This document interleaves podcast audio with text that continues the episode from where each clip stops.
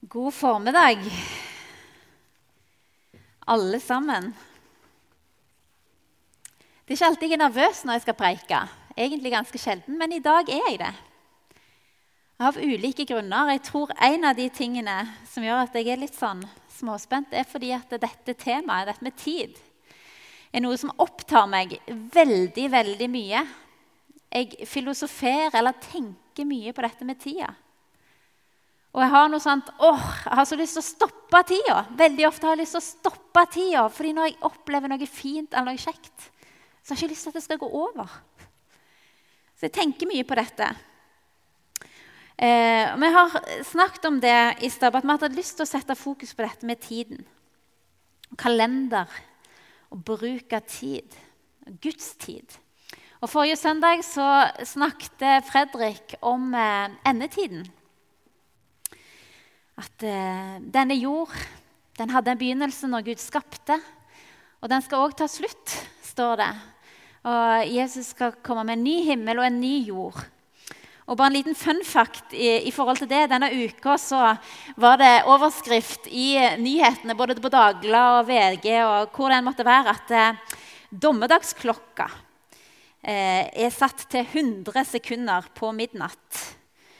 Og denne, denne dommedagsklokka den så dagens lys av noen eh, forskere og vitenskapsmenn i 1947, etter atombomba eh, var blitt et faktum. Og så har han beveget seg stadig nærmere. Men nå flytter de den altså fra to minutter til 100 sekunder på midnatt.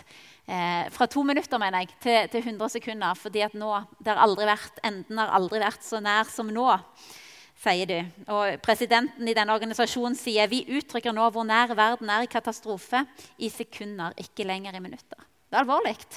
Men samtidig så sier det oss at det, det er ikke bare vi som tror, som er opptatt av dette med at det, ting kan ta slutt og vil ta slutt. Men i dag skal jeg ikke snakke om endetid, jeg skal snakke om tid. Og tid det er et abstrakt begrep hovedsakelig benytta som en betegnelse for hendelsers konstante bevegelse fra fortid til nåtid til fremtid. Og tenk på Det det er 86 400 sekunder i minuttet i et døgn. Nei, i et døgn, ja. Ikke i minuttet. Det er 1440 minutter i et døgn. 24 timer i døgnet. Det er 365 dager i et år. Og så beveger tiden seg framover hele tida. Tikk, tikk, tikk, tikk. Tiden, den kommer. Han går ikke, han kommer. Og vi kan ikke stoppe tiden. og som sagt, Det frustrerer meg innimellom. Vi kan heller ikke begrense den. Den er stadig. Den har sin egen rytme. Og Jeg spurte dattera mi på fredag om hva, når jeg satt og forberedte meg, hva tenker du om tid, Elina. Og Da hadde hun litt lite å gjøre på, og så sier hun bare sånn av og til så syns jeg det er altfor mye tid. Jeg kjeder meg, mamma. Så fascinerte meg det, for jeg, jeg husker ikke forrige gang jeg kjeda meg. Jeg husker ikke, eller jeg husker at jeg opplevde det på lik, lik måte når jeg var liten, at å, tida går så seint. Men jeg har slutta å ha den opplevelsen at tida går seint. Jeg vet ikke om dere kjenner dere igjen. Jeg syns det går så fort, som Ingrid sa. Og min opplevelse var der at å, de der den der lille stunden jeg hadde det kaffekoppen og hadde til ingenting. Å, jeg skulle ønske den varte så, kunne vare så mye lenger enn bare den der begrensa tida før jeg måtte eh, få på meg og komme meg ut dørene. Og når vi var i Kenya i fjor vinter å, Jeg tenkte på det hver dag. Jeg hadde det så godt i den lille Kenya-bobla jeg, jeg, var i. Og jeg visste den, varte, den skulle vare i 90 dager. Å, jeg prøvde å holde igjen. Jeg prøvde å nyte. Jeg prøvde å stoppe det for å gå så fort. Og så svopp er det et år siden allerede vi var der, i den der gode Afrikabobla mi. Eh, et veldig vanlig og misbrukt begrep her i denne verden er at vi sier 'Nei, det har ikke jeg tid til'. 'Nei, det hadde jeg ikke tid til'. 'Nei, det har jeg ikke tid til'. For det er ikke sånn at vi ikke har tid. Tid har vi alle i massevis. Og vi har alle til felles at eh, Hver morgen så får vi denne kontoen tildelt av disse 86 400 sekundene. å bruke hver morgen. Dagen starter likt for oss alle. Vi fått tildelt 24 timer i døgnet. Vi har disse, denne tida inn på konto. Og Den kontoen fornyes hver dag, hver morgen. Og I stor grad er det opp til oss å disponere denne tida. Så det er feil å si at du ikke har tid. At du ikke har tid til å trene, ikke har tid til å gå på besøk, være på besøk. Men du tar deg kanskje ikke tid. Og dette eh, er noe jeg ble bevisst på, bevisstgjort på for noen år siden. at det, eh, når jeg sa nei, det hadde jeg ikke tid til. Hun som jeg har gått og snakket med, hun bare rista på hodet sa Elisabeth, det er feil. Du har tid. Du tok deg ikke tid. Eh, så dette med tid er så mangt. Som sagt et, abstrakt eh, begrep. Men det står mye Bibelen, i Bibelen om tid. Det står om tid, og det står om tider. Og Gud han har sin egen tidsdimensjon. Han er fra evighet til evighet, står det. Eh, og Så greip han inn og skapte. og Vi skal lese fra første Mosebok nå. I, i kapittel, 14, nei, i kapittel 1, vers 14 og utover, så står det Gud sa, 'Det skal bli lys på himmelhvelvingen til å skille dag fra natt.' 'Det skal være tegn for høytider, dager og år.' 'Og skal være, de skal være lys på himmelhvelvingen og skinne over jorden.' Og det ble slik. Gud laget de to store lysene, det største lyset til å herske over dagen og det minste til lyset til å herske over natten, og stjernene. Og Gud satte dem på himmelhvelvingene til å lyse over jorden, til å herske over dagen, over natten og til å skille lyset fra mørket. Fascinerende. Og når jeg, eh, Gud satt tiden inn Han greip inn og skapte, og han satte døgnets rytme i gang. Han starta denne tidsrulleringen. Eh, og Det som står i Norsk leksikon over, jeg syns det, det, er fascinerende eh, For Når de beskriver dette med tid, tidsregning og kalender, så, så, så, skriver de det sånn Enhetene for tidsregningen er gitt i himmellegemenes lovmessige bevegelse ved de periodene som stadig kommer igjen, markert ved bestemte eh, iøynefallende fenomener. Særlig er det sola og månen som fra de tidligste tider har vært benyttet som tidsmålere. Solen og jordens rotasjon i forhold til den er årsak til vekslingen mellom dag og natt. Og så forklarer de dette med tid. Og jeg synes Det er så fint at det som ble skrevet ned eh, 700 år før Kristus, og som hadde gått eh, på folkemunne, det er, ganske, det er ganske likt det som står i forhold til hvordan vitenskapsmenn som kanskje ikke tror, beskriver dette med tid. Gud skapte han skilte dag ifra natt, og han satt tiden inn i system. I Forkynnerens eh, tre så står det noen velkjente ord om tid. Og Noen av dere så kanskje bisettelsen til Ari Behn eh, på, på, NRK. og Jeg så ikke hele, men det var én ting som bare traff meg rett i hjertet. og Det var Kåre Konradi som leste disse ordene. Alt har sin tid. Det er en tid for alt som skjer under himmelen. En tid for å fødes, en tid for å dø. En tid for å plante, en tid for å rykke opp. Og så står det videre en tid for å drepe, en tid for å lege, en tid for å rive ned, en tid for å bygge, en tid for å gråte, en tid for å le, en tid for å sørge, en tid for å danse. Og så videre ut i teksten så står det alt skapte han vakkert til sin tid. Ja, alle tider har han lagt ned i menneskenes hjerte. I 85-årsoversettelsen så står det evigheten har han lagt ned i menneskens hjerter. Og evigheten er òg en tidsdimensjon. Vi har fått vår tidskonto, og ingen av oss eh, vet hvor mye tid vi får. Men evigheten er lagt ned i oss. Det er Guds tidsdimensjon, som han også har gitt oss. Vi hørte Solfri lese fra Salme 90. Herre, du har vært en bolig for oss i slekt etter slekt.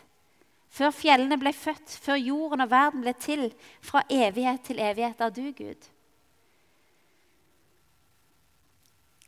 Dette er en salme av gudsmannen Moses, står det. Så står det du lar mennesket bli til støv igjen, og sier menneskebarn, vend tilbake. For tusen år er i dine øyne som dagen i går da den for forbi. Vår opplevelse av tid og Guds tidsperspektiv det er vidt forskjellig. Vet ikke om du har tenkt på det? For han er én dag som tusen år, og tusen år som én dag, står det flere plasser i Bibelen.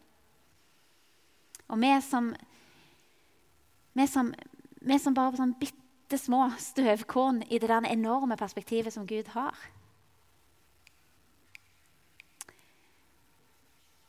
Gud er evig,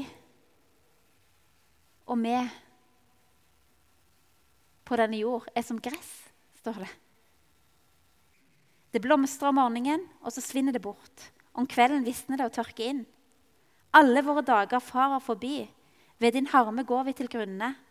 Våre år er som et sukk. Vår levetid er 70 år, 80 når det er styrke til det. Jeg sa det til mormor mi. Jeg leste denne for mormor mi når hun satt på gamleheim. Så når jeg kom til det punktet, så Jo, men jeg er jo 93! Så, så den, den likte hun godt. Og så står det de beste årene er fulle av strev og urett. De går fort, og vi flyr av sted, står det i Salme 90. Så vi kan slå fast i forhold til dette med tid at vi som mennesker, midt i Guds evighetsperspektiv, som er blitt gitt en avgrensa mengde tid på jorda og ingen av oss, det har vi òg til felles, ingen av oss vet hvor lang den tida blir. Og det er skremmende for mange av oss. Eh, det å ikke vite, det å ikke ha kontrollen på dette med tida. Og For to uker siden, så, eh, ganske nøyaktig snart to uker siden, så våkna jeg natt til tirsdag av at jeg hadde et så enormt press i hodet, og alt gikk rundt. Jeg var så svimmel. Og Det endte med at Torfinn ringte til ambulansen, og jeg ble kjørt rett på akutten. Og de var redd for slag.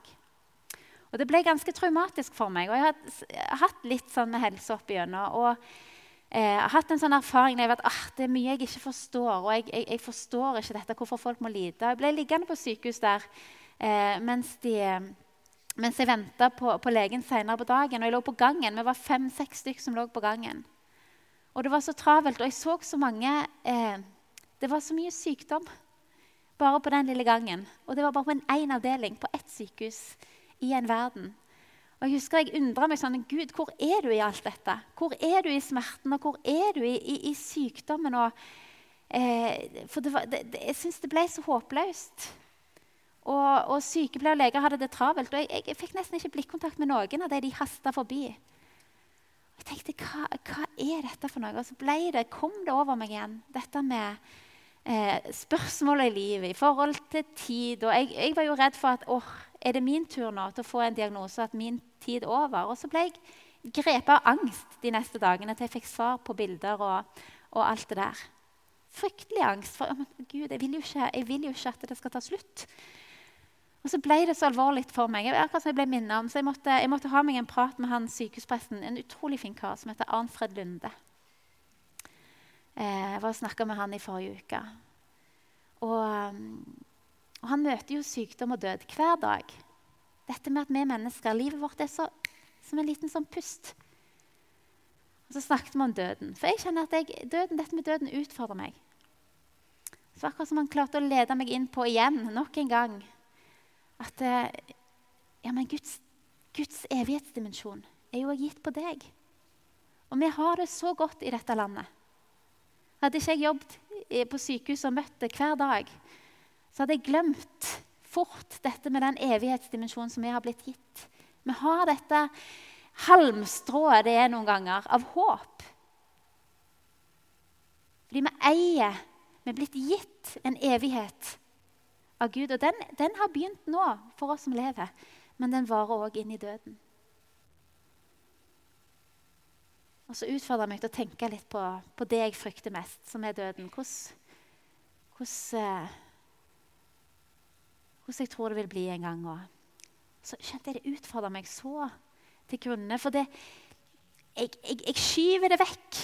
Dette at jeg er et menneskebarn som har blitt gitt én del til tid, og at jeg faktisk ikke vet når det kan ta slutt. Hva med ungene mine? lå jeg og tenkte der. Å, tenk, å. Og så må jeg søke Han som er selve livet, og hvile at mitt liv er i hans hender. Og det jobber jeg fortsatt med. Eh, og kommer nok til å måtte jobbe mye med det i livet. Men vi har blitt gitt en tidsdimensjon som gir trøst i den brutale sannhet at vi er menneskebarn, og vårt liv er faktisk som støv, hvis vi ser det i det store. Hele perspektivet. Vi er som støv. Men Gud sier òg, 'Menneskebarn, vend tilbake.' Han vil ha oss hos seg. Og det er underfullt. Døden er ikke langt borte fra noen av oss. Men som Guds barn har vi fått en annen tidsdimensjon i livet, og det er evigheten. For Gud er evig og uforanderlig. Så hvordan vi bruker og forvalter denne tiden, denne kontoen med tid vi får utdelt hver dag, det er egentlig et ganske viktig spørsmål. Og et spørsmål vi nok bør ta tak i, noen av oss oftere enn det vi gjør. Det sto i en artikkel i Vårt Land her eh, for ikke eh, lenge siden at det du bruker tiden din på, avspeiler hva hjertet ditt er fylt av. Det du bruker tiden din på, avspeiler hva hjertet ditt er fylt av. eh, og tygg litt på den. 26 år I et gjennomsnittlig langt liv så bruker vi 26 år på å sove. Hvis en lever sånn ca. 80 år. 26 år går med på å sove, om det ikke er mer enn det òg. Mange av disse årene går med på arbeid. Mange av disse årene går med på å spise. Faktisk 46 dager leste jeg, går med på å stå i kø. Tenker deg. 46 dager av livet går med på å stå i kø. Og så videre og så videre. Det er masse sånn gøy forskning på det.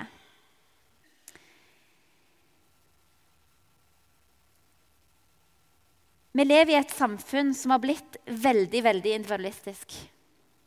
Og jeg tror noe av det vi her i Norge i dag bruker mest tid på, så er det oss sjøl.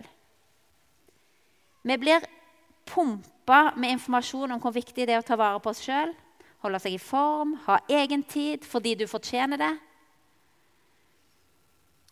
Og vi gir oss selv først. Prioriterer oss sjøl først. Dette er ikke sant for alle, men jeg tror det er sant for mange. Eh, prioriterer oss sjøl og våre egne først. Det er meg, meg og mitt. Og tiden, hvordan vi bruker tiden, gjenspeiler det. Eh, mens Jesus han sier 'gi', så skal dere få. Det er en sånn guddommelig lov. Og jeg tror Norge, vi som er her, er preget og merker at vi Eller kanskje ikke vi er klar over det sjøl, men vi mister mye fordi den individualismen som driver oss, den sier det motsatte. Den sier ikke 'gi, så skal du få'. Den sier 'fyll på deg sjøl først', og så kanskje blir det noe til overs til de rundt deg. Jeg vet ikke om dere kjenner dere igjen i det. Jeg kjenner meg veldig igjen i det. Og jeg syns det blir verre med åra. Jesus sa, 'Gi, så skal dere få'. Og jeg tror vi som enkeltpersoner, vi som familier, som en kollega, som venner, mister mye. Fordi sakte, men sikkert så har denne guddommelige loven blitt litt motsatt. Òg for oss som går i kirkene eh, rundt omkring. Den har blitt snudd. Og jeg tror òg samfunnet vårt taper uendelig mye. Fordi vi ikke klarer å leve den som Jesus oppfordrer seg gi, så skal dere få. Og jeg bruker Afrika mye, og jeg har lyst til å gjøre det her òg. Å gå i slummen i Nairobi og se de strålende smilene til ungene der Det er liv, og det lever. Det å sitte i et skur og faktisk bli gitt noe. Det sier noe om hvor dyp og sann Jesu, sanne Jesu ord er om 'gi, så skal du få'. Jesus sier livet er mer enn maten dere spiser, og klærne dere kler dere med. Og Det ser en hvis en reiser ut til, til, til andre land der individualismen ikke så sterk, eh, står så sterkt. Og hva har de mye av der? Tid. Og du får tid. Så vi var på legevakta der i Nairobi eh, på et tidspunkt. Og Samuel sier 'Alle går så sakte'. Han hadde litt sånn feber. 'Alle går jo så sakte'. De tok. Men det er sant. Ting skjer litt saktere i Afrika. Og det var fascinerende å få lov til å oppleve det. Hvordan bruker vi tiden vi har fått? Skjermtid tror jeg er en annen utfordring for oss. Jeg leste en eh, undersøkelse om ungdommers, ungdomsskoleelevers eh, skjermtid. Og dette er en oversikt over eh, eh, eh ungdommenes vaner. Da. Og jeg tror vi voksne kommer hakk i hæl. Men for de som bruker daglig bruker minst tre timer foran en skjerm, så ligger det langt over 70 Og hvis en tenker at mange bruker mer, så kan en bare tenke seg på hvor mye skjermtid, data, TV, spill Hvor mye det blir i løpet av et år. Hvis dette er riktig, så vil jeg si at min sønn På ti år har han brukt nærmere to år på skjerm. Det ble litt alvorlig for meg. Jeg satt og regna på det med kalkulatoren min. At denne skjermen som har blitt viktigere og viktigere for oss. Og Jeg registrerte det òg når jeg satt og, forberedte meg, at det, stadig måtte jeg inn på tok jeg den, liksom helt uten å tenke over det. Så kikket litt og bladde litt og så på noen oppskrifter på Instagram. Og, og jeg sier ikke at dette er galt, men jeg tror det er viktig at vi er bevisst på det, fordi det stjeler mye av den tidskontoen som er gitt oss. 24 timer i et døgn er lett å bruke tre-fire timer på skjerm.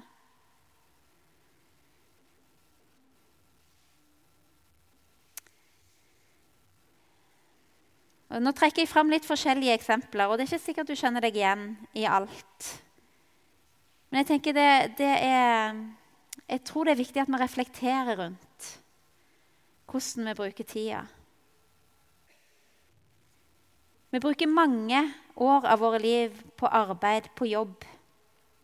Og det er viktig å jobbe. Og I Norge så jobber vi lite i forhold til andre deler av verden. Men allikevel vi bruker mye tid. Og det er en god ting, ting å arbeide, men hvis arbeid og karriere går på bekostning av familie og andre ting, hvis overtidstimene stadig er utallige, ja, da er det kanskje på tide å, å, gjøre seg noen refleksjoner. Hvis arbeidet vi går til, er det som, som bare en plikt og vane jeg, jeg, tror det er viktig at, at vi går at de arbeider, den jobben vi går til, at vi kan gjøre det med glede, at vi kan gjøre det med, med, med iver. Og så er det hverdag innimellom òg. Men at vi ikke bruker Ja, jeg tror noen kan ha godt av å skifte jobb innimellom. Arbeid er noe som tar mye, mye tid av våre liv.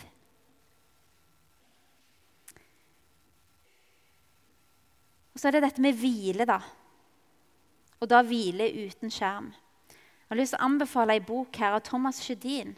Han skrev boka 'Det er mye man ikke må'. Det er mye man ikke må. Jeg har lyst til å lese noen utdrag av den. Jeg tror eh, både skjermtid og andre ting stjeler mye hvile fra oss. Thomas Judin skriver i boka si Tenk om det er en del av den menneskelige natur å ikke strekke til. Og at det ligger en tanke bak, nemlig at vi skal søke sammen. Nekte å begrense ressursene kun til eh, våre egne. Og nekter å begrense tilværelsen til det materielle. Tenk om det er en tanke bak det. Jeg leser det en gang til. Tenk om det er en del av den menneskelige natur å ikke strekke til.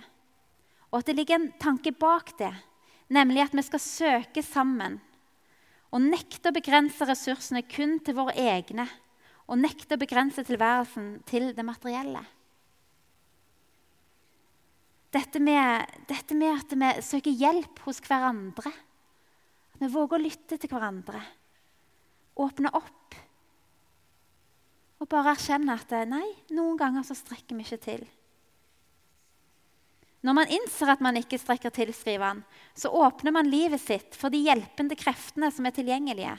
De gangene livet har tatt en ny og uventet vending, eh, er sjelden eh, når jeg manner meg opp og gir på og tar i et ekstra tak. Men snarere når jeg har slutta å manne meg opp og har åpna opp for hjelp fra Gud og medmennesker, så får jeg. Så hviler jeg i det. En annen ting han skriver, er man blir et dårligere menneske når man haster hit og dit. Eh, mye blir trampet ned under føtter som springer unødig fort. Å hvile er således å elske.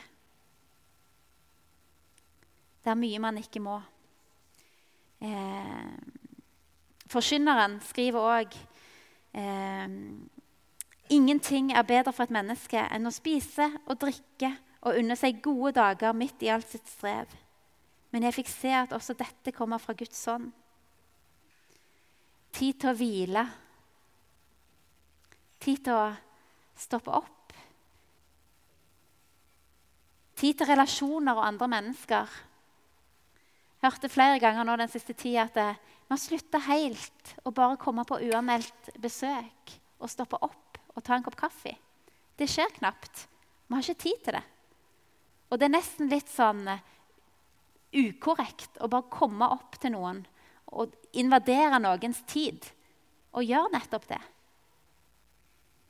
Uh, jeg tør ikke gjøre det uten å spørre om det passer først lenger. Men jeg setter enorm pris på når noen bare står på min dør. Så kan jeg stusse litt med en gang, så plutselig bare, oh, men det er så godt å bare kunne stoppe opp og sette seg ned og prate litt. Men hva tid gjorde vi det sist? Når brukte vi tid på det sist? Flere plasser så står det i Bibelen 'vær gjestfrie'. Legg vind på gjestfriheten. Glem ikke å være gjestfrie. Glem ikke å invitere inn. Glem ikke å åpne opp.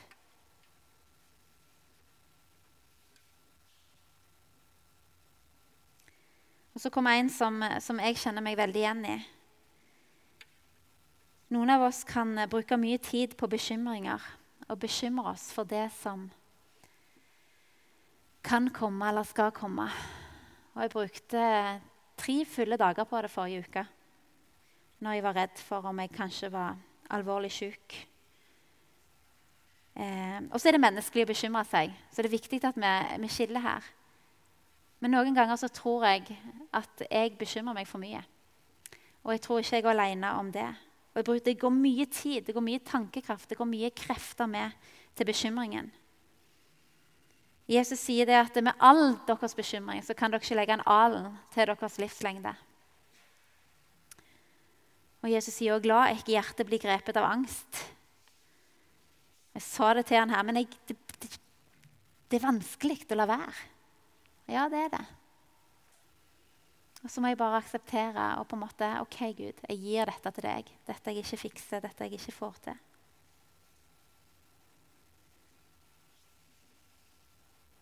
Og så skal jeg ikke ta så mange flere eksempler.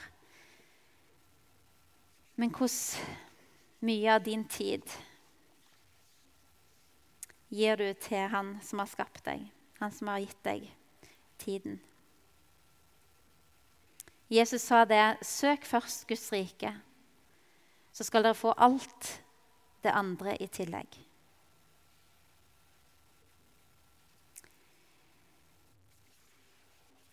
Søk først Guds rike, skal dere få alt det andre til, i tillegg. Det du bruker tiden din på, avspeiler hva hjertet ditt er fylt av. Hvor viktig er Gud i ditt liv? Og I Salme 90 som jeg leste, så står det 'Mett meg med din godhet om morgenen', så jeg kan leve godt alle mine dager. Mett meg med din godhet om morgenen. Um, dette med tid til Gud, det å begynne dagen med å løfte blikket Jeg syns det er fryktelig vanskelig. Men jeg vet at det, det er noe i det. Mett oss med din godhet om morgenen, står det, så vi kan juble og glede oss alle våre dager. Jeg tror hvis vi tar snittet på, på, på oss her inne, så er det de minuttene og timene vi bruker på han, det er ganske lite. Og så er det litt alvorlig, tror jeg, for oss. Eh, for jeg tror vi går glipp av mye. Jeg går glipp av mye. Paulus, etter han eh, tok imot Jesus, etter han, ble, eh, etter han ble kristen, så var han tre år i Arabia, står det. Han brukte ti år på seg og Jesus før han begynte tjenesten sin.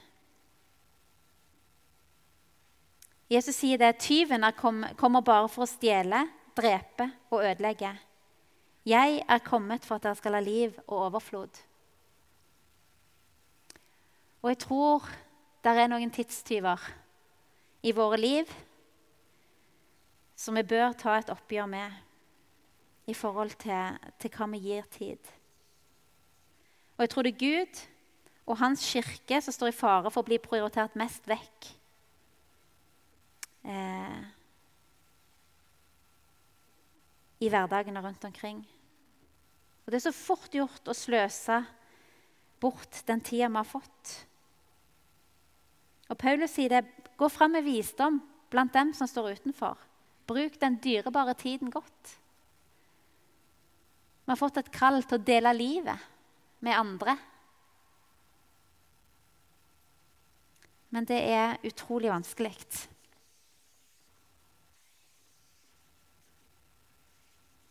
Vi skal få en uh, Før jeg avslutter, så skal vi få en sang av Solfri og Torfinn.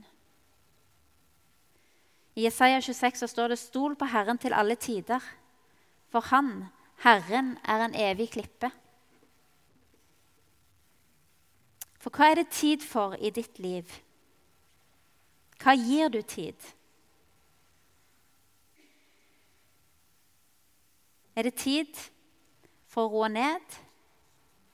Er det tid for å omprioritere? Er det tid for å investere i den tida litt annerledes? Kanskje er det tid for å gjøre om på noen prioriteringer i forhold til Gud. Kanskje har du holdt deg litt på avstand. For hvis du nærmer deg Hans, det rommet der du og han er, bare dere to, så vet du at det der er ting som må tas tak i. Kanskje er det rom i livet ditt du ikke visste at eh, han ønsker å komme inn i.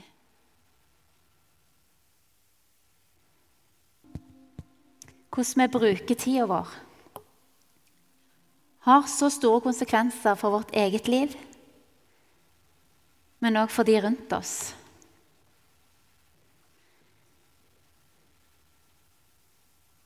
Hvordan vi bruker tida vår. Og Jeg tror vi skal bare være eh, stille bitte litt. Altså gå litt i oss sjøl. Og eh, hvis du vil invitere Jesus til å til å peke på om det er noen rom som du trenger å åpne opp for han. Og da spesielt dette med hvordan du prioriterer tida di.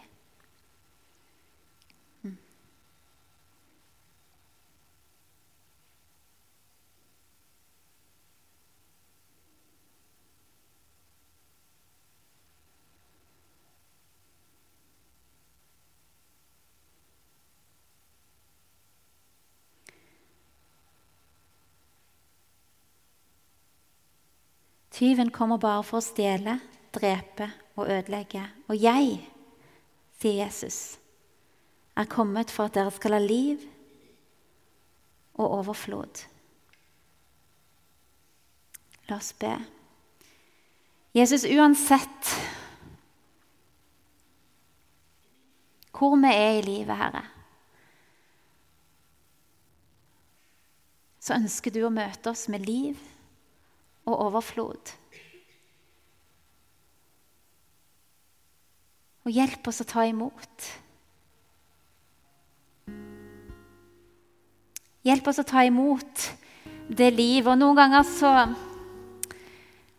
Amen, holdt jeg på å si. Jeg må si noe. Noen ganger så tror jeg at vi, vi leter på feil plass etter dette livet og denne overfloden. Han lover at han har lovt at han skal være med oss. Uansett hva vi møter. Uansett om det er sykdom eller død eller nød, eller om det er tøffe omstendigheter, så har han lovt. Han vil være med oss. Og det er liv, og det er overflod. På alle nivåer i livet med Jesus. Ved sykesengen med min begravelse så, så, så, så, sprenger budskapet om livet og overfloden i Jesus seg fram.